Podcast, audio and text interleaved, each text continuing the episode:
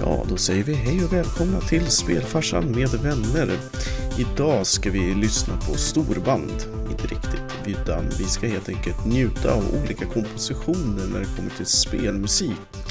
Som vanligt så kommer vi också naturligtvis doppa tassarna i eh, lite nyheter så här när det börjar lacka mot året och kanske också eventuellt känna efter vad vi dricker för någonting ikväll. Men jag tänkte jag skulle börja fråga Peter, hur, ehm, hur känns det nu när en av ehm, årtiondets största tv-spelspublikationer går i graven? Jag tänker då förstås på Level.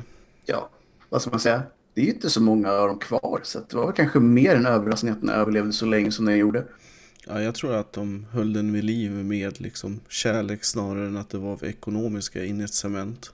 Ja. Ja, det är mig vetligen den enda svenska som finns kvar som riktar sig till vuxna, det vill säga inte robot och vad nu den andra heter. Det är Mm. PC Gamer. Ja, precis. Men- Den har ju lagt ner på vissa ställen också, så det är inte, den är inte kvar överallt heller. Nej, precis. Jag tror att det är bara Edge som fortfarande möjligtvis har en viss liksom attraktion mest för att det är fortfarande kulturstatus. Men hur kan inte Level ha det? Jag tycker ändå så här att Level, det känns inte som att det finns något som borde kunna egentligen vara bättre än Level. Nej, men det är väl helt enkelt att folk köper för lite tidningar därför att spel är ju ett sånt medium som är så pass flyktigt så att det räcker nog tyvärr inte med eh, nostalgiska artiklar för att eh, hålla liksom en eh, tillräckligt stor publik eller folk som köper helt enkelt, vilket jag tycker är jättesynd. Själva att det största problemet är att det är för statiskt. Alltså, alla de här äh, kanalerna som finns via äh, nätet gör att man kan uppdatera sig om saker typ två, tre gånger per dag. Mm. Så att när deras artiklar trycks så är de hopplöst gamla när de kommer Ja, folk. fast visserligen det kan ju också därför som de satsade ju på en lite mer unika reportage och eh, retrobitar och allt sånt där. eh. Men eh, ja, jag fäller en liten tår med tanken, speciellt för som måste kännas jättejobbigt för Tobias som ändå har varit med ända sedan eh, Nintendo-magasinet och sen drivit det sedan dess i princip. Ja, Nej, det, är- det är tråkigt. Jag samlade ju på, förut i alla fall så hade de ju, sista sidan var ju alltid liksom slutskärmen från något spel. Mm. Mm. De samlade jag på och hängde på min ytterdörr förut. Känns som en nobel eh, hobby. I- Men det kändes bra. Man skulle gå ut ur hemmet och så möttes man av eh, eh, Thank you, but our princess is in another castle. Jaha. Kändes det okej inte? att, att lämna. Som sen hamnade som tatuering på många eh, 80-tals kids händer och fötter höll på att säga. Nej men i alla fall. Nej men det? Man tatuerar saker på kids man Mm. träffar på stan. Precis. Exakt. Nej, Nu är level över, så nu får ni ta över det här. Nej men jag Ja, tänkte på det här vi diskuterade förut att vi skulle under en väldigt kort tidsperiod, ett par timmar, öppna Nintendo-klubbens telefonsupport, eller hotline igen. Ja. Vi pratade ju om det i något program att vi skulle låta folk ringa in och ställa spelfrågor. Japp, och jag svarar bara på sådana om Secret of Man. Och, jag kommer, var de mitt än en, frågar om.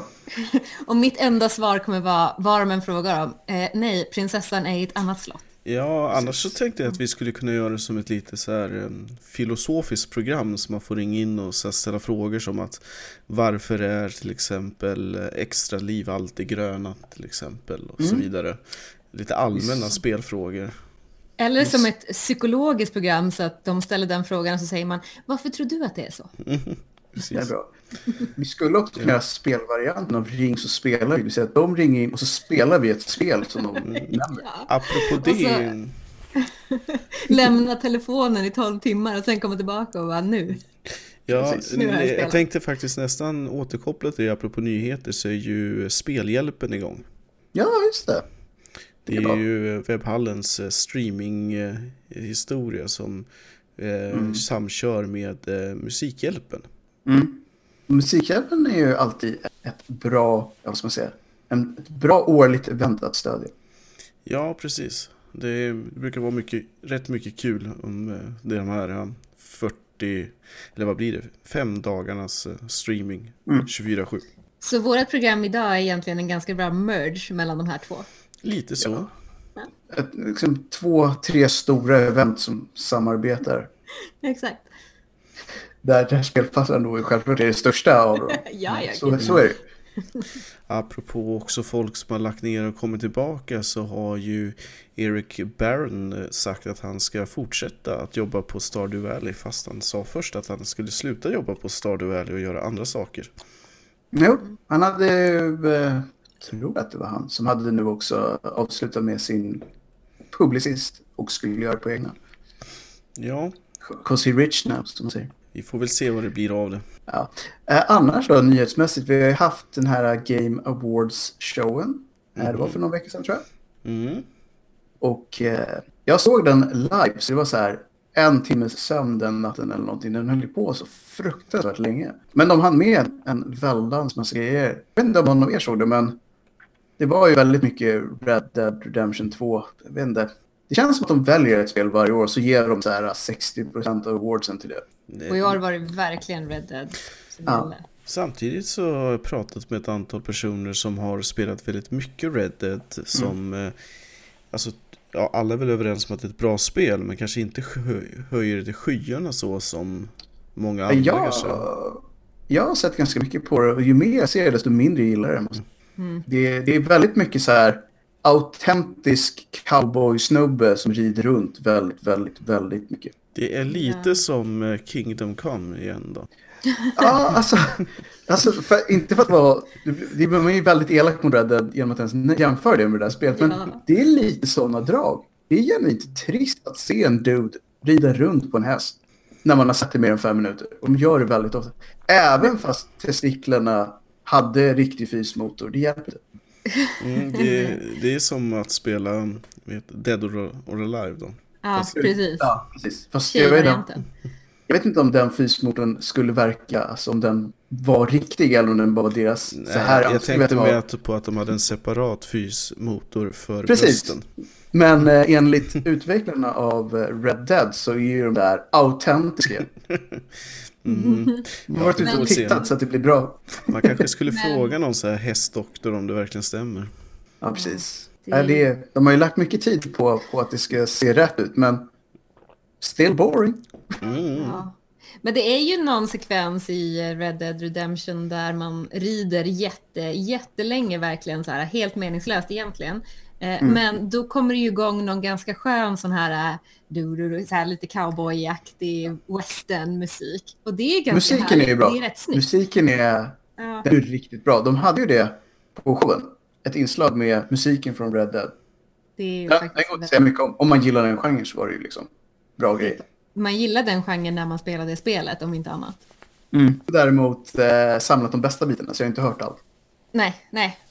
De bästa bitarna är ju alltid De bästa bitarna. Ja, exakt. Men jag träffade ju en amerikansk kompis eh, precis i dagarna efter att Red Dead Redemption 2 hade släppts. Och han, eh, vi pratade lite grann om tv-spel och sådär, så sa han så här, ah, I played Red Dead Redemption, bla bla, och, var jättelycklig. Och jag bara, wow, yeah, it's a pretty good game, typ. Och han bara, have you played Red Dead Redemption 2? Och jag trodde han menade, har du också spelat? Men han menade ju, har du spelat? Ah, Och jag bara, yeah, I have. Men det har jag ju inte. Så Nej, att, eh, du jag, både, alltså. jag både ljög och missuppfattade i, i, i samma andetag. På lite svensk nyhetsfront så har ju också MUTANT år 0 släppts. Det. som har gått hem i stugorna och eh, jag kan själv underteckna att det är ett väldigt, väldigt kompetent spel till ett väldigt eh, rekorderligt pris dessutom. ja, nej, har faktiskt inte hört någon som har spelat det som tyckte att det inte var bra. Jag tycker att det är bättre än XCOM, de, de nya spelen.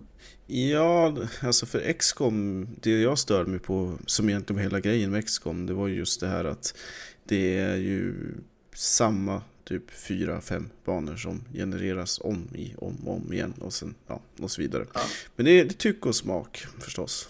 Ja, eh, jag tycker den här jag tycker den här stilen känns mer egen också. XCOM känns väldigt mycket så generisk sci-fi. Mm. Och det här har ju verkligen sin egen stil. Sen är det kul med alla svenska referenser.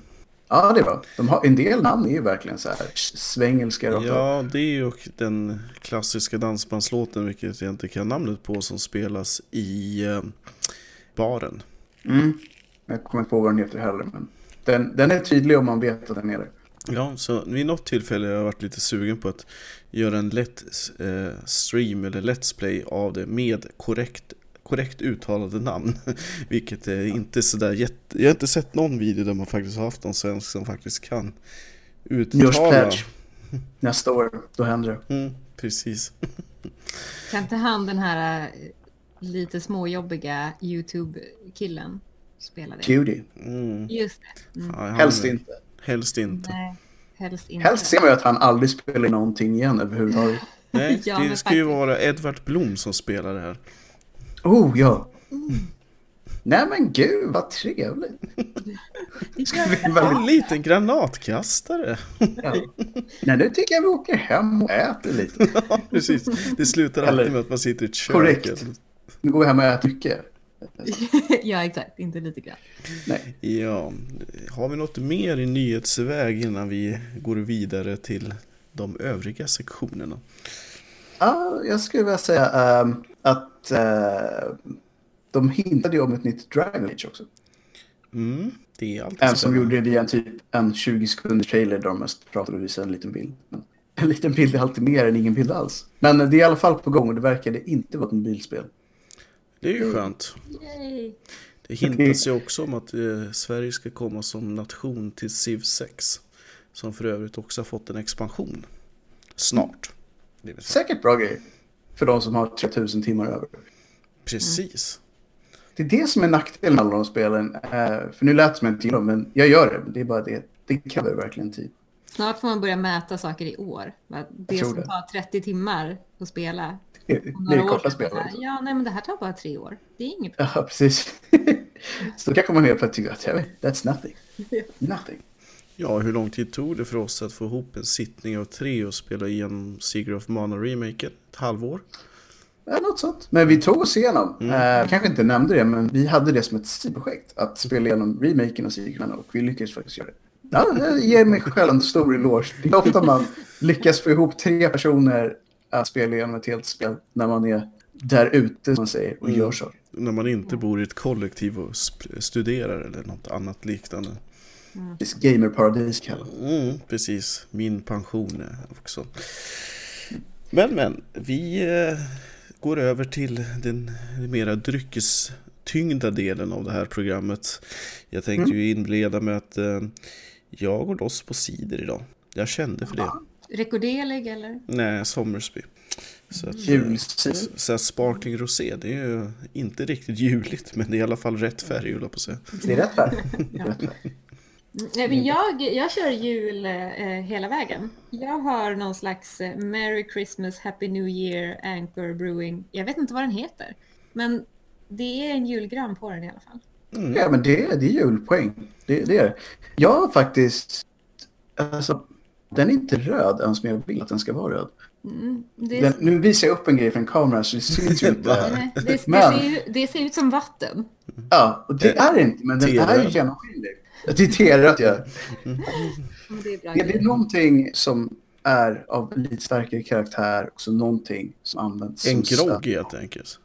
Ja. Mm, härligt. Men vi kan ju kalla det för julgrogg så får jag poäng också. Ja, Ja, precis. Det är, det är som att blanda nubbe med typ eh, hallonsaft eller något sånt. Ja, det skulle jag ha gjort. Jag skulle haft saft i. Det är klass på det. Ja, så trevligt då. Då vet vi vad vi dricker också.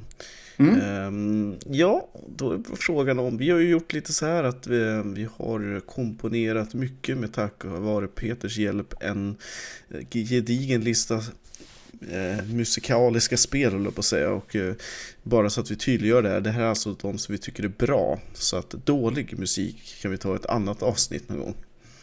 Alltså, antingen att vi tycker att de är bra eller att de är väldigt kända, kan jag Mm. säga också. Eh, Så att de anses bra av annat folk. Mm, precis. Men så jag tänk- tänker att vi, vi bara nämner kompositörerna och inte spelen. Ja, visst vore det kul om man bara så här, tar något av de här japanska namnen som jag hoppas att ingen kan. Man bara nämner, nu tog jag de här, fick jag bort de här jättekända, men vi tar Shimomura va? Mm. Vilket, vilket mästerverk. Ja, ja, men verkligen. Det spelet kändes ju så himla bra när man spelade med den musiken. Särskilt eh, när det är så också att de har gjort så här 42 olika spel dessutom så blir det ännu mer Ja. intressant. Vilket spel tänkte du på? Jag tror att det kommer bli så att vi lurar oss själva, så vi kanske håller oss till det mer reko att faktiskt säga vad de har gjort också. Det kanske är Ja. enklast. Men jag tänkte att jag skulle ju kunna låta Linda gå loss på vad heter det, Silent Hills Mm. kompositör. Ja. Akira Yamako, kanske? Akira Yamaoka. Yamaoka tror jag det uttalas. Ja, ja, men lite svårt att veta. Tungvricka. Men, men alltså magin. Jag funderade faktiskt lite grann innan eh, det här programmet huruvida jag skulle älskat Silent Hill lika mycket som jag gör om det inte hade varit för musiken. Så att om du Ah, tänker dig så- nej. Silent Hill med Rednecks, hur hade det känts? Cotton Eye Joe. Hela tiden. När, Hela när tiden. de här läskiga sjuksköterskorna kommer ut och de Precis. bara Cut not Joe. Eh, nej, Nej, det, det hade ju inte varit samma sak. Nej. Men, men tydligen så är ju den här genren då som han eh, Akira har Mm. inspirerats av heter trip hop. Mhm. Och det är någon form av hiphop fast utan själva rap-momentet. Mhm. Så Så bara det bitet liksom- liksom. Ja, lite grann bitet men ändå, ändå i någon slags lite mer så här psykedelisk, kanske lite mer cinematisk form liksom. Lite grann som Destination Goa-genren utav den elektroniska musiken då. Ja, Det låter vi möjligen. vara osagt. ja, exakt. Svårt att säga. Men visst, jag tror att du har helt rätt. ja. Men så tydligen ett av banden, om man vill ha en referens, eh, så ett av banden som han framförallt har inspirerats av är ett band som heter Portishead. Ja, men de vet man ju vilka det är. Exakt. Men, och, och det har ju, den, den här musiken som är till, eh, till alla Silent Hill-spel nästan, är ju, den är ju extremt vacker, extremt tragisk och deprimerande på något sätt. Ja, Det, det är bara ord bra grejer. Ja, men det är också, det, det går ju in lite grann, tror jag, under hela den här grejen som vi har försökt hävda så länge med mysskräck. Mm. Att det är ju, musiken i Silent Hill gör ju det verkligen mysigt. Och, man, Ja. och, och det gör ju verkligen att man vill fortsätta spela och ta reda på vad som händer, därför att det känns som att det verkligen finns en story. Mm. Och det är ju, musiken bidrar ju väldigt, väldigt mycket till det. Ja, precis. Det är ju som att se en film som inte har någon musik alls. Ja. Ofta, oftast så tänker man inte på musiken för det är musiken som skapar stämningen. Den är ju inte till för att, oftast i alla fall, att liksom ta över eh, de övriga bitarna av filmen. Det är ju förstås Nej. likadant i ett spel. Fast det hjälper ju en också att veta hur man ska känna. Och jag tror att det, det är nog ganska, det är en ganska bra grej ibland när man spelar spel, eller tittar på film för den delen. Att man lite grann vet hur man ska känna, för man vet vad man ska förvänta sig och man kan leva in sig i handlingen mycket bättre. Mm. och speciellt tror jag när man spelar tv-spel, därför att då är, då är man ju själv den som driver på handlingen hela tiden. Ja, Ja. Nej, de har några mer kända i Silent Hill-serien. Det finns ju riktiga låtar, så det är inte som en del andra spel att de bara så här svepande typ orkestermusik. Nej, men det är väldigt väl, välgjord musik. Men sen läste jag någonstans också om att han har fått väldigt mycket skit för sin musik.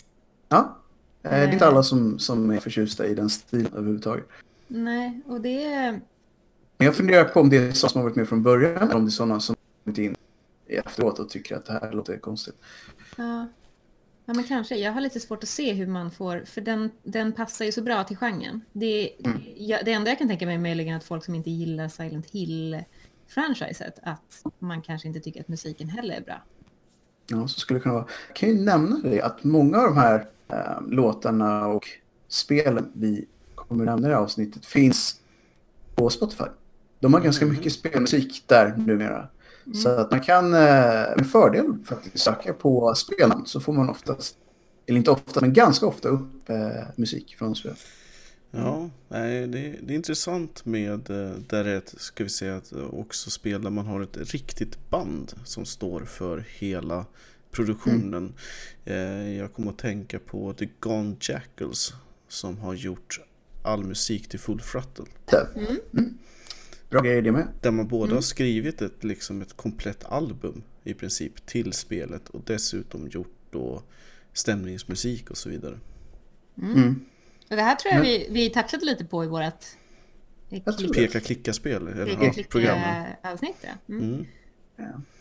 Just för att, jag vet inte, engelska kanske vi har en lista här som vi kan jobba oss igenom lite grann och sen så kommer vi på saker så kan vi alltid ta det. Men nu när vi är inne på peka och klicka så har vi ju ganska högt upp på den här listan Monkey Island. Ja. ja. Det var faktiskt en, en spel som jag nästan på att missa helt tills jag av en händelse kom på just den enda låten som jag tror alla känner igen, introlåten. Mm. Den härliga, karibiskt pixliga musiken. Ja, alltså den, man ser den, hör den i fem sekunder, sen ser man det Deep in the Caribbean som det alltid stod. Mm. Ja. Eh, och den tror jag, jag tror den är så pass känd att folk som, alltså även folk som inte har spelat den serien skulle nog kunna känna den om de är gamers. Mm. Ja. Den här kompositören heter då Michael Land och han jobbade på LucasArts när det var stort att jobba på LucasArts. Han borde ha gjort och musik, musik till, till väldigt många av deras mm. Han gjorde musik till nästan alla deras spel. Ja, alltså LucasArts är verkligen också något som har gått i graven tyvärr. Liksom. Ja, de ser alla de här giganterna från den eran är ju bara borta. Liksom. Mm. Ja, tyvärr. Men, men. Det är väl så eh, det är. Och som sagt, den låten är... Jag vet inte, för jag lyssnar inte på så här Caribbean blues i vanliga fall. Det är svårt att veta att den är typisk för sin genre. Men jag tror att den är bra även för sin genre. Eller så bara låtsas jag det. Ja, men jag tror också att den är det, för man känner ändå det här svänget när man lyssnar på På en gång stänger man bara så här, Kuba, varför inte? Ja, verkligen. ja. ja, men det, då har man ju lyckats man faktiskt får den att bara genom att höra musiken kan associera till den platsen man bör befinna sig mm. rent mentalt. Verkligen. Verkligen. Mm. Vad har vi mer? Jag tänkte vi kan väl hugga loss som du säger i toppen av listan på den eh, klassikernas klassiker. Eh, den store Nob Nobuo, eller hur uttalar honom? Nobuo Uematsu. Ja, Matsu. Mm. Uh, jag har faktiskt träffat honom. Mm. Oj. Ganska swaggigt. Uh, var, jag har träffat honom flera gånger, men jag har inte pratat med honom. Uh, mer än vinkade lite generat en gång sådär. Han mm. stod precis bredvid mig. Um, men um, han var på fanfest för Final Fantasy 14. Mm. Och hade massa, pratade med folk rent allmänt men hade också massa olika liksom, diskussioner kring spelmusik och hur man kompos, komponerar och sådär. Och sen dök han också upp senare samma år på en av de här uh, Distant Worlds-konserterna för Final Fantasy-musik. Pratar han engelska, eller säga? Det gör han va? Är väldigt dålig. Mm. De har ju oftast uh, en, en tolk med som snabbt mm. förklarar vad de egentligen säger.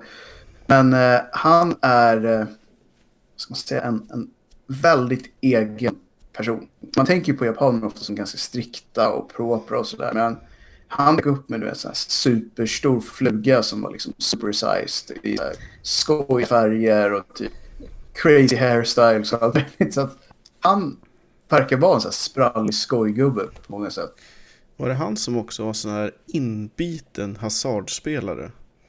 Nej, det är hans, eh, hans eh, adept som eh, antagligen kommer bli den som tar över när han eh, pensionerar sig. Men som har gjort större del av musiken till Final Fantasy 14.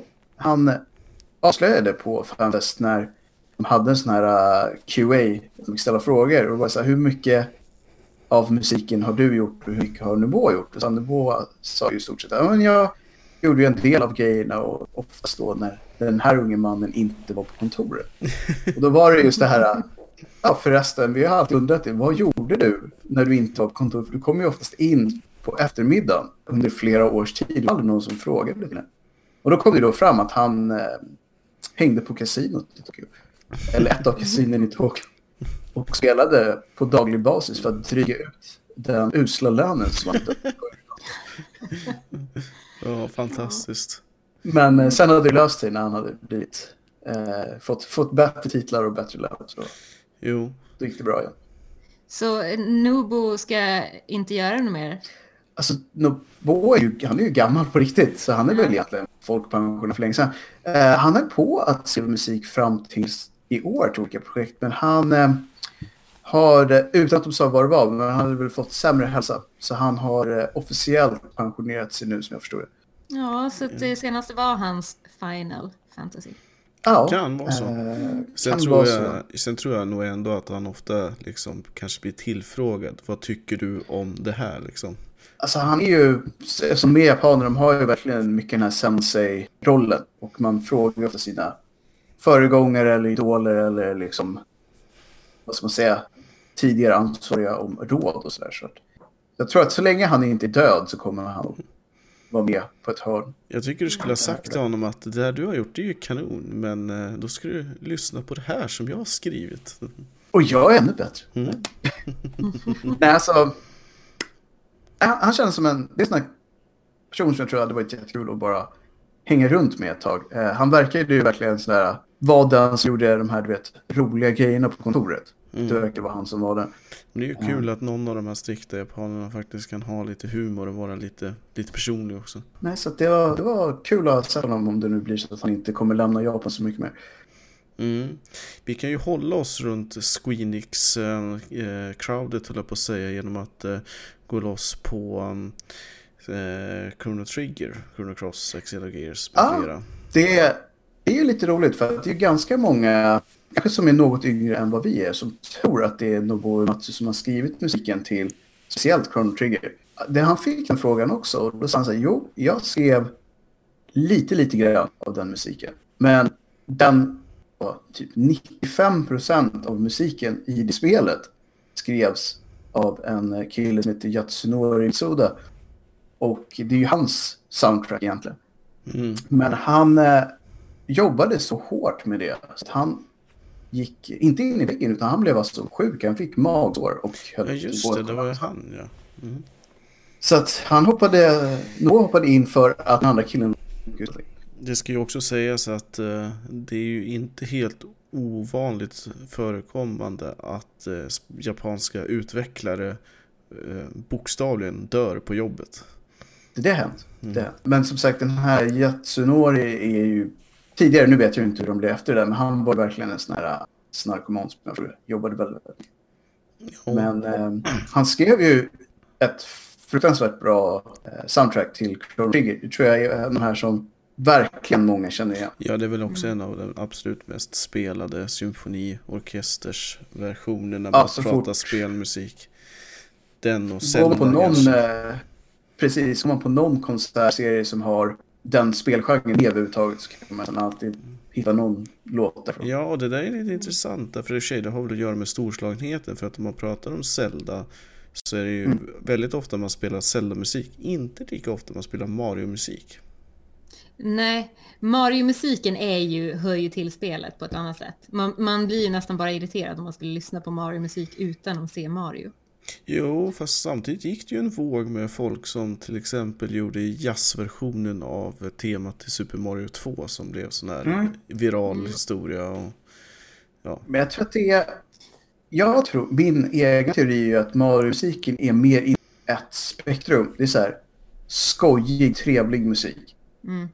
Och det är ju för att de spelen är som de är. Eh, Medan de här lite djupare RPG och adventure gamesen behöver musik som speglar massa olika känslolägen.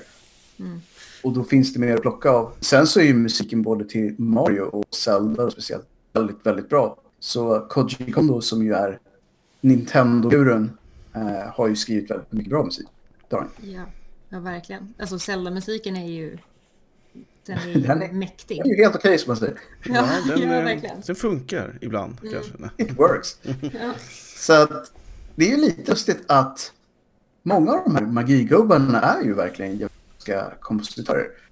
Um, och en grej som är lite spännande med just spelmusik i Japan är ju att det är ett helt vanligt jobb.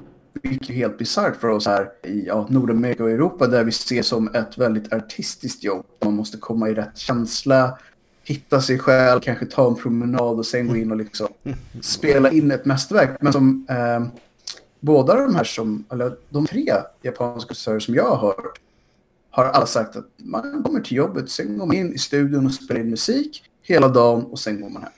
Jo, men det finns ju vissa. Jag, kan, jag tänker mig på till exempel som eh, Avicii till exempel, han var ju en sån här grindare som kunde sitta i timmars timmar och bara ja, alltså jobba ut musiken kanske mer än de som, som du säger, det kommer till en.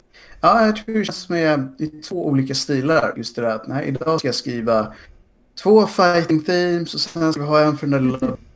Ska Kjell ha sin låt? Så vi kör igång då. Ja. Vilken, vilket läger tror ni de som, eller den som gjorde ljuden till Pong eh, sällar sig till? Nej, det var ju känsla. ja, det var ju Ja, men- ren känsla. Ja men det, man ska inte förringa sånt. Jag tänker på när de skulle göra det ikoniska ljudet i ljussablarna i Star Wars. Det var ju så här, ja men det låter ju coolt liksom. Men det är ju så en blandning. Nu- Nu ska vi se, det är, ett, det är en val. Det är, en, det är något lysrörsljud och sen så är det yt, någonting på- spelat baklänges. Som får det här, vet du det. Så att det kan ju vara så att de satt många, många timmar för att till det perfektiga ponget. Ja, Ja, det, och det det är nog inte alls omöjligt att det är så. Ganska ofta till och med. Ja, jag lyssnade på någon intervju eh, med just sådana som gör liksom, musikdesigner för, eller ljuddesigner kanske snarare, för, för eh, tv-spel nu för tiden. Eh, och, de sa ju det så här att ibland så köper de ju in vissa typer av ljud som är licensierade för att använda dem som liksom bakgrundsljud till det ljudet de faktiskt håller på att göra. För att mixa in någonting annat för att det ska bli ett helt annat ljud. Ja, det är Ja. precis som på det temat eh, när rebooten av Doom skulle göras så eh, Mick Gordon som har gjort eh, musiken bland annat till Wolfenstein och så han fick en sån här ja, en vanlig spes utav eh, den som skapar spelet, jag säga. regissören kan man väl kalla det för, där han sa att vi ska ha ett, ett klassiskt domljud men du får absolut inte använda elgitarrer. För det var tydligen inte så hippt utan ja, vi vill bort från elgitarrer.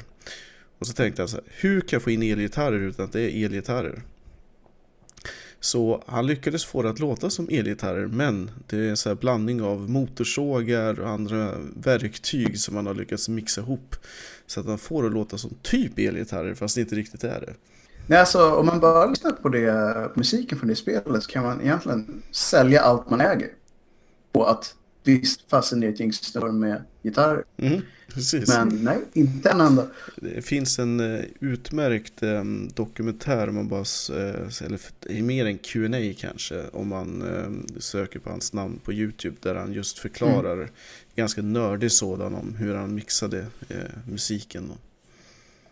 Men fanns det något självändamål i att egentligen inte använda elgitarrer då om man ändå, det man försökte göra var att efterlikna elgitarrer så mycket Nej, som jag tror det handlade mer om att det var, nu minns inte jag hela föredraget, men det handlade väl om att eh, från början hade jag inte tänkt att han skulle inte ha elgitarrer med.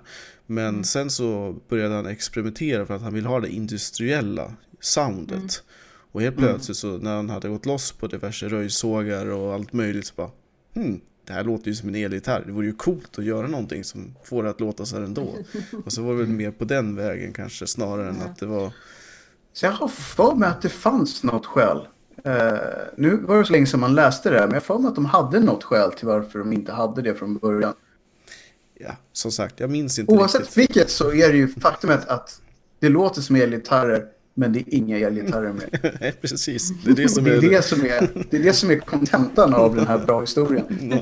Ha en bra historia innan vi kan berätta den på rätt sätt. Mm. Men ja, nu har vi nämnt lite sköna japaner. Ska man kanske ta någon som inte alls är, är japan? Bara byta av lite grann. Mm. Eh, Metal Gear Solid är ju visserligen en serie som smyger ut från samma eh, ja, paradis, på säga. Men det är ju inte alls japan som ligger bakom det. Nej, tack och lov. Inte musiken. Nej, den andra japanen vet vi mycket väl vem man är och honom pratar vi inte så mycket om, eller hur var det? Nej, nej, nej. Vi har ju pratat om Silent Hill redan. Ja, Det har ju... ja men, Men jag eh, tycker att... Harry eh, Gregson heter han? Mm, precis. Och han har ju skrivit, precis som Metal Gear, i alla fall Solid också, vid de därefter kommande var ju tänkta, var ju skrivit från ett filmiskt perspektiv. Så att det, det är ju ingen större skillnad på ehm, hur man beter sig med filmmusik som med spelmusik i det här fallet. Nej. Vi gillade inte eh, de spelen han är på med, eller hur var det? Det var lite för mycket sandlåda i något av dem, var det inte så? Alltså så här, min inställning till det hela är att Metal Gear Solid 1, 2 och 3 är väldigt bra spel, speciellt 1 och 2. Därefter, så, som du säger, så blev det mera någon variant av liksom GTA, Uncharted-aktigt variation ja. där man också plockade bort för att för min del, som jag sagt många gånger förut, så min urkunden av Metal Gear är att du har tajta korridorer och smygande där du hela tiden har 100% koll på hur synfältet är och så vidare på eh, den du försöker smyga dig på och så vidare. Och det försvann ju lite grann, speciellt när det blev mm. tredje person. Verkligen. Sen här har jag gjort bra grejer här så gillar vi det inte. Det gör vi inte.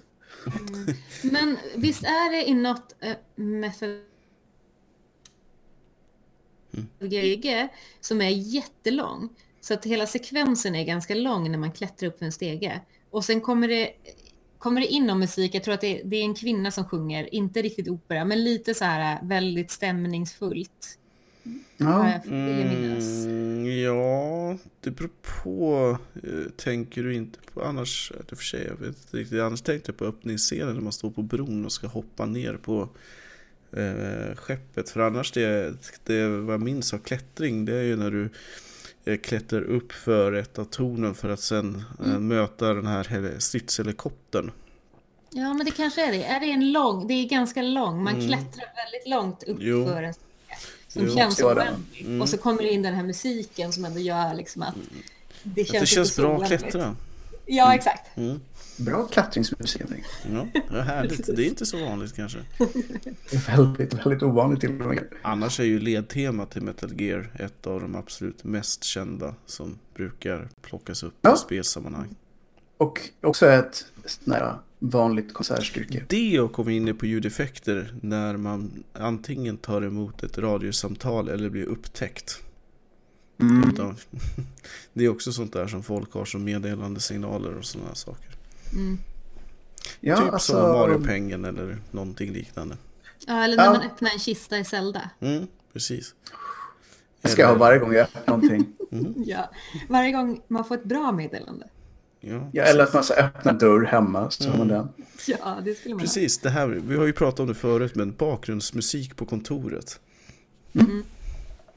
De, jag har faktiskt, eh, en dag i veckan är jag på ett kontor där det alltid spelas musik. Mm. Eh, jättestörande faktiskt.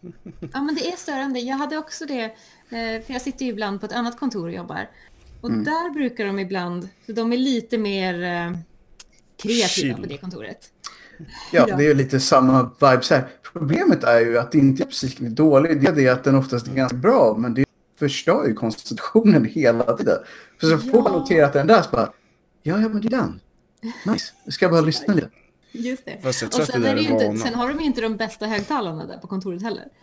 Inte så ofta, nej. nej. nej. Nej. men jag tror att det där är mycket en vana. Alltså, om du skulle ha musik och det skulle vara bra förutsättningar och hade det varje dag så skulle du ju liksom komma in i growet. Liksom.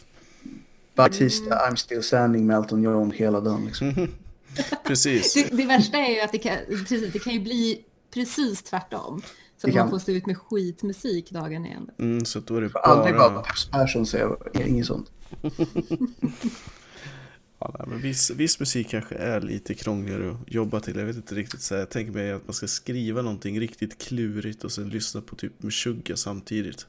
Kan ja, den blir svår. Ja, men, men det funkar. Det är inga konstigheter. Gör det? Mm. Ja. Jag får föreslå det nästa gång. Mm. På med lite så tack. Jag vill, jag vill kunna jobba Jag vill lyssna på Sator och sladda med bilen. Sladda med PBn. Mm. ja, jag spelade ju något sånt här uh, litet uh, indie, pyttelitet indie-demo tror jag att det var. Mm. Och jag, jag, tror att det hette typ Seven eller något sånt. Uh, jag kommer att tänka på det nu, för att det var lite så här smygreferenser till Metallica i början av spelet. Och sen började man i ett rum och så det första man såg var typ en plansch på kanske Megadeth kanske, något mm. sånt. Och sen var det liksom alla andra planscher i hela rummet var bara olika Metallica, liksom platt konvolut.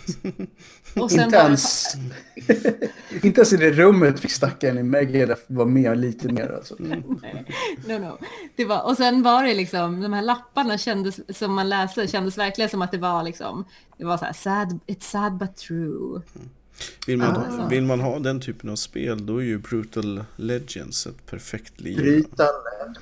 Mm, om, man vill, om man vill lyssna på Satan håller på att säga. de, de har ju helvetes tema i det spelet. Ja.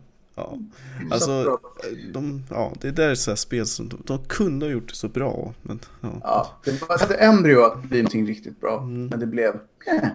Mm. Och Jack Black. Typ, ja. med Jack Black blev istället. Mm. Mer då? Vi kanske kan uh, hoppa på något lite japanskt igen då med Castlevania. Det borde ju de flesta känna till. Castlevania. Mm. Mm. Ja, det är ju Michori Yamane som har gjort. Jag tror inte han har gjort allt. Nej, det är nog ganska omöjligt med tanke på hur många titlar det finns. Ja. Men alltså den musiken är ju... Legendarisk. Mm. det låter billigt när man säger för att nu svänger vi oss med ord man alltid använder. Men det, det är bra grejer oftast väldigt symfoniska och orkestertunga grejer. Mm. Men ibland så smyger de in sådana riktiga elgurasnören mitt i. Ja. Är du säker på att det är elgitarrer och mm, inte precis. någonting annat? Mm, precis, är det elgitarr? Motorsåg. Mm. Ibland smyger de in tre motorsågar mitt i och så blir det bra. Fast i just det spelet hade det ju inte alls varit coolt om de hade sagt så här, nej men det är inte elgitarrer, det är motorsågar och andra verktyg. För det, det hör ju liksom inte hemma mm. där. Mm. Nej, ostpiska ska det vara. Mm. Ja, precis. Undrar hur lång tid det tog innan de fick fram det perfekta piskljudet, eller pisksnärtarna kanske. Tänker... De använde säkert den där appen. Nej, just det, det var 15 år tidigare. Just mm. precis som de skulle göra när de gör spelen idag. När de står i ett härligt rum och bara köttar liksom tills de får det perfekta soundet. Jag tror faktiskt, okay, nu vet jag inte hur det är nu, nu finns kanske ett bibliotek med 200 piskljud, men mm. som jag fick det förklarat så gjorde de verkligen sånt där. Alltså så här, in med en snubbe som snärtar med piska tills det låter rätt. Liksom.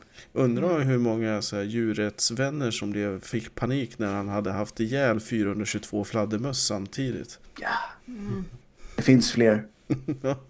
det är allt. Jag är säker på om de djurrättsaktivisterna faktiskt bryr sig om fladdermöss. Ja, det är en bra fråga. Eller, Mm. Eller om de ens har spelat ett spel, 'cause they boring people. Kanske snarare det då. Jag tycker Nej, att... men det, mm. det, finns ju faktiskt idag bibliotek där man kan plocka ner massa ja. licensierade... Det är lättare nu än det var förr tror jag. Ja. När det gäller ljud. Ja, men det är ju självklart.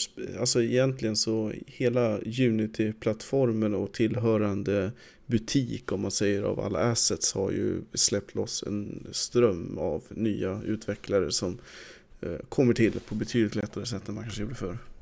Mm. Mm. Det är lite Men... som på den här tiden när man spelade Sims och man kunde ladda hem en massa möbler och grejer gratis. Mm. Alltså man kunde inte ladda hem massa, man kunde inte ladda en massa musik. Nej, det kunde man inte göra. Typ Ikeas bakgrundsmusik. Mm. Eller eh, tongångarna från, eh, vad heter det här stället nu igen? Eh, Ullared. Hornbach. Mm. De har ju sin jingel där. Mm. Det är där de spelar in uh, fighting-ljuden nu för tiden. På Ullared. Ja, precis. Mm. De slåss över de billiga disktrasorna. Men Castlevania, för att komma tillbaka till det, är ju värt att lyssna på även om man inte gillar genren skulle jag säga. För det, det är så pass bra musik. Så att även om man inte är en platformer eller gillar den så kan det vara värt att lyssna på musiken. Ja, jag skulle jag påstå att egentligen alla Capcom lir av mm. tidigare modegenre är bra. Bra grejer. Mm. Det gäller ju förstås Mega, men antagligen så är det mest kända Mega, men tracket nu ska vi se så att jag kommer ihåg. Dok Mega Man 2, Dr. Willy Stage 3 är det väl, eller 2? Mm. Som är en sån där superduper klassiker. Det är ju en liten japan som ligger bakom det ljudet också. Det finns väldigt mycket japaner i den här listan, men kan de sluta göra jättebra spel? Ja, exakt. Men eh, däremot musiken, eh, med, på tal om Capcom, så är inte mm. musiken till Resident Evil så himla bra. Nej, det är sant. Varför? Nej, det är faktiskt helt sant. Det är inte som man bara, nu ska jag hem och lyssna på musiken från. Nej, men det gör man inte. Det är ingen Nej. musik riktigt att tala om. Det enda som är bra, det finns, det finns faktiskt två saker som är bra musikmässigt i Resident Evil. Och det ena är ju sparrummen när man kommer in och får den Ja. här lugna, härliga musiken. För den är, Den, den är faktiskt ikonisk. Eh, Ja, ja det är ju, det är ju magi. Man känner sig så lugn och man kan andas. Och man vet att det här rummet är safe. Ja, I'm safe. Det, verkligen. det betyder ganska mycket om man inte Det- vet. Mitt något om i den serien. spelet så betyder det väldigt, väldigt mycket. Yep. Eh, och Man sen vet att man får också sitt face uppätet på 10 sekunder. av vad som helst. Av vad som helst. Ja. Nej, och, och sen också när eh, hon, huvudpersonen i ettan, Jill, när Mm. hon ska, när hon ska eh, öppna något rum för att se in i trädgården eh, så måste hon ju spela på ett piano. Mm. Och då spelar hon ju Månskenssonaten och det är ju magiskt. Så himla bra att de gjorde den låten till just den. Ja, exakt. Vore Han, han skrev man... den låten till det här spelet. Han visste. Det måste vara 100%. väldigt jobbigt om man får det som kompositör till den. Bara, "Jag hade en bra låt i det spelet, det var när de körde på piano. Alltså, så, mm, resten var rätt dåligt, men den, så bra. Ja, Man vet att någon har sagt det. ja. Den, Ett ja. spel som eh, inte brukar få så mycket eh, välförtjänt kritik som du faktiskt borde få som är eh, angränsande till eh, Resident Evil i alla fall typ av eh, skräckbiten i det hela. Det är ju Mm. Parasite Eve. Ja, just det. Det är ju ett spel som jag tror att de som vet vem som har gjort musiken också glömmer att hon har gjort. Eh, Yoko Shimomura. För att hon har då varit med och gjort musik till Legend of Mana, Street Fighter 2 och Kingdom Hearts. Mm. Väldigt mycket av musiken till Kingdom Hearts-serien. Ehm, och då tror jag att det här Parasite Eve blir säkert en av de som hamnar Mm. lite i skymundan. Och som en liten sidonotis, kidsen där ute. Spela för fasen med Parasite Eve. Gör det. Tips från coachen. Det, det är ett bra tips. Och nu med, jag vet inte, hur lätt är det att få tag i det nu? Eh, legalt? Mm, ja, då får du väl en, eh, försöka dig på någon sorts eh, ja, second hand handel eller Ebay naturligtvis. Mm. Så svårt är det. Det brukar bara att just eh, PS1-spelen kan vara lite svårt att hitta bra kvalitet på just att inte skivan är söndernött och sådana här grejer. Om man inte bor i Paris där de badade i riktigt, riktigt bra second hand. Ja, ja, jo, men det beror på så här. Är, är du villig att lägga 1200 spänn för att få ett mint condition? Absolut, då, då är det väl inga problem. Men om det är Nej. så här att jag skulle vilja lägga 50 kronor för att prova det här så blir det lite svårare. Då, då är det ett problem. Då blir det problem. Eller Jag så kan man ju alltid titta på en. Let's Play. Exakt, det kan man också göra. Det är ett bra alternativ faktiskt. Mm. Eh, jag blev faktiskt väldigt förvånad när jag gick in på GameStop eller någon sån Mm. motsvarande butik i Mall of Scandinavia häromdagen och såg att de sålde Playstation, alltså ett. Ja, Ja. det är där PS1 och PS2 är sådana här underliga maskiner som vägrar. Ja men GameStop har ju tagit den här lilla vägen att eh, bli lite retrobutik för att kunna hänga sig kvar. Det är ju ett sätt Ja. att kunna Vi erbjuda bara kolla vad som hände på de andra som inte hade det. Mm. Ja, de försvann ju. Fast jag tycker ändå att GameStop är ju... Eh, halva GameStop är ju retrospel. Mm. Andra halvan är ju leksaksbutik. Ja, numera, helt Ja. klart. Precis, så att eh, så är det. Det är väl både, Ja. både bra och dåligt höll jag på att säga. Men eh, Jag tycker att det funkar för de håller sig till leksaker som handlar om spel. Alltså det är ju från de franchisen. Liksom. vi glömde ju nämna det under nyheterna att det kommer en utmanare till Steam. Den har redan kommit. Ja, Epic Games egen plattform. precis. Det kan i och för sig vara alltså, väldigt kort. Jag utmanade till Steam och det lät först som att det var väldigt bra. De sa att 30% går till utvecklarna mot Steams 10% eller mindre. Eh, Men sen så, en del som började kolla upp det lite grann visade sig att det var inte kanske alltid 30%. Det var lite undantag och lite annat. Så att de flesta har väl landat på att om ett tag kan det här nog, bli en väldigt intressant plattform. Typ så. Jo, men det ryktas ju redan om att det ska komma ytterligare andra plattformar och så vidare. Så att, Ja, men det, jag tror att för att vara helt ärlig så är väl Epic eh, en av de få som kan konkurrera med Valve för de har tjänat så groteskt mycket pengar via Fortnite. Det är 87 miljoner användare på Fortnite. mm, precis, och jag undrar fortfarande varför. Det undrar jag också. Det är ett riktigt dåligt spel. Men nog om det. Mm, nu går vi vidare. Det är 87 miljoner glada människor som ger dem pengar varje månad. Så att de är nog ganska happy med det. Mm, Det tror jag. Det är happy. det är... Ehm, det, det är happy. Och bara för att avsluta det snabbt. Just nu så kan man plocka ner Subnautica gratis från Epics nya plattform. Ja, fantastiskt. Och det är just nu när vi spelar in det, alltså inte om ett år när folk eventuellt hör det. Då, jag kan inte lova att alltid kommer vara gratis. Men just nu, 2018, i december, gratis. Har vi något mer här som känns väsentligt för allas musik, musikala överlevnad, på att säga. Jag har en spelserie som jag tror att de flesta inte alls tänker på när det gäller spelmusik, men som jag tyckte var otroligt mycket bättre med musik än den hade varit utan. Och det är Bioshock-serien, som ju rockar riktig musik. Anno 1930-tal. Och det är inte musik som jag säger, och det vet jag mycket om. Men när man hör den musiken så kan man omedelbart placera den på 30-talet. Det är verkligen den här old times music. Mm -hmm. det, är, det, är, så härligt när det dyker upp i spel tycker jag. För att det, det är ju det. oväntat. Men sen bara händer det. Och så är det magiskt. Det är lite som i Fallout. Ja. Det, ja, exakt. exakt. Det är som den här, ja vad heter den? I don't wanna, I don't wanna set the world on fire, eller vad den heter Precis. som är i Fallout. Den är ju, det är ju, alltså man tror ju inte sina öron när, när den kommer igång. Nej, mm. det är just det som är lite roligt för att jag skulle aldrig frivilligt sätta mig och lyssna på 1930-talsmusik. Nej, aldrig någonsin. Inte. Men i det sammanhanget så är det så här, mm, det här lyssnar jag på. Ja, jag jo, vet. Jo, men det är som att sätta sig i en pianobar. Det är kanske inte det jag skulle knäppa på hemma varje dag, men just i den typ av setting. Nej, och, och, i uh, Bioshock Infinite så har vi Barbershop. Mm. Liksom ett gäng, en dude som harmoniserar klämkäcka låtar. Det är så här, inte en chans att jag skulle lyssna på det i vanliga fall. Men det här är så här, det här är bra. Det, här binder ihop allting. Nu, nu blir det magiskt igen. Mm. Det är väldigt lustigt att det funkar så bra. Det är men, väldigt häftigt. Men den som då har gjort musik omkring alla de här andra grejerna som är gjort av riktiga människor, eller på att säga, nu låter det elakt, för han är också en riktig människa, är en person som heter Gary Scheiman. Mm. Och han har gjort det väldigt bra också, för han har ju fått, all musik har ett tematiskt likriktat sound. Och det måste vara ganska svårt att få typ, här har vi tagit godbitar från 1930-talet, gör all annan musik matchande till den. Mm. Det är en rolig utmaning som sagt. Ja, han lyckades ändå få till det riktigt bra, så att hatten av. Och eh, LA Noir är väl 20-tal va? Ja, precis. Så, men, det, men, men det är ju inte det, förvånande när den musiken... Nej, alltså för er som inte har spelat i spelet, eh, 20-tal och 20-tal betyder, och det är 20-tal i USA kanske vi ska lägga till, mm. betyder sassy jazz, skulle man kunna säga. Mm. Och eh, det är ju för sig fortfarande en jätte, jättegenre som är populär hos många, men det här soundtracket var så pass bra så att det fick en Bafta Award.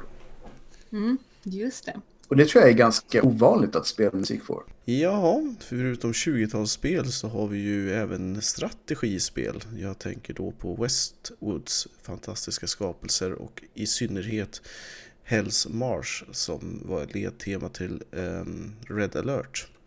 Som är skriven mm. av en Frank eh, Klepacki. Ja, jag undrar om det Klepacki, det låter ju som att det skulle kunna vara typ någonting som kommer från Östeuropa ursprungligen. Ja, precis. Typ Tjeckien eller något annat. Mm. Um, men det är ju bra grejer. Hell's March är fantastiskt bra. Ja, absolut. Ja, och det intressanta med den det var att från början var den inte, eh, inte skriven för Red alert utan den var tänkt till Commander Conquers expansion, alltså originalet som hette Covert Operations. Men sen så var ju Red alert eh, nästan färdigt och eh, då eh, blev ju det här en, eh, att den här måste vi ha. Liksom. Mm. Ja, det är ju numera kanske det som folk minns bäst från den serien musikmässigt. Även fast den hade ganska mycket kvalitetsbitar och väldigt mycket film i mm. serien också som, som ja. var känt när det kom. Men just den låten tror jag många, just Hell's March, jag är inte säker att alla vet vilket spel den kommer ifrån, men jag tror de känner igen musiken. Mm. Yes, och sen så har vi också den fantastiska ringvärlden när det kommer till musik. Då pratar vi inte om Lord of the Rings. Nej, exakt Nej. Även fast den musiken också är ganska bra. Den är bra. Den är bra. Eh, och jag kan tänka mig att de spelen som har Lord of the Rings-tema säkert lånar från de filmerna. Mm. Men då är det väl mer att man kanske har lånat grejer från ett annat en annan form av underhållning. Den serien, det är också så här, man får gå tillbaka lite, den var ju innan Bungie gjorde Destiny och blev kända för det, så var de mest kända för Halo. Mm. Mm. då var det en kille som hette Martin O'Donnell som gjorde i stort sett all den musiken som man kopplar till Halo. Som här munk-chanten i början av spelen och allt det där är hans, hans jobb. Och det rätt komiska i det hela är att den första riktiga artikeln som PC Gamer skrev om Halo i svenskt format inleddes med citatet från en svensk låt som går någonting i stil med att det vackraste jag vet. Ah. Mm. Är att se dig när du spelar Halo. Mm. Nej men det, det var ju så här fotorealistisk grafik. Nej inte riktigt men det, Nej, det, det ansågs vara väldigt väldigt snyggt på sin ja, tid. Det var ju verkligen en så här wow kan spel se ut så här och kan de spela så här när Halo kom från början. Och sen var det ju ehm. också stor grej att det inte kom ut till PC som det var tänkt från början. Nej, precis.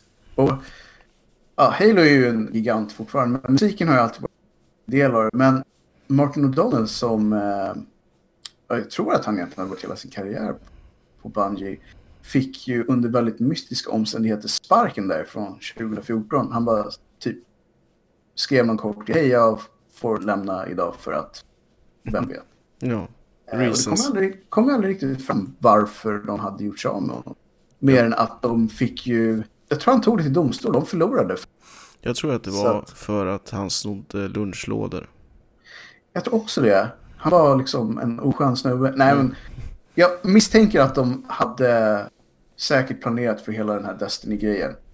Och de ville kanske köra från scratch. Nu gör vi en helt ny grej. Vi startar från noll. Mm, den, här killen, mm. den här killen har så pass kanske ett stort ego så att om vi ska göra musik så vill han alltid vara den för och det tänker vi inte låta honom vara. Så nu så är det över. Påminner väl lite grann om den här uh, Rocket Star-historien med han som påstod sig äga en del av GTA-franchiset och blev sparkad mm. och sen kom tillbaka och ville ha a slice så att säga. Ja, som sagt, jag tror att Martin O'Donnell fick en slice. Så de fick betala honom rätt mycket. Däremot så hade han ju spelat in ett, typ en, en, ett soundtrack som heter Music of the Spheres. Som skulle vara ett första Destiny. Som de äger rättigheterna till på Bungie som de aldrig gav ut. Det har ju blivit ett sådant projekt som jättemånga online har försökt att knopa ihop genom att plocka upp små bitar här och där som de har släppt i olika tillfällen. Mm. Och klistra ihop det här soundtracket. Så jag tror det var för något år sedan som det var någon sån här stor fan som i stort sett har lyckats återskapa hela den skivan. Och sen skickade den till Martin O'Donnell för att så här, stämmer det här ungefär med det du faktiskt hade gjort? Och han sa väl att ni har fått ihop det till 85 procent. Mm. Men de bästa 15 procenten, de sitter jag fortfarande på i den här hemliga lilla gömman.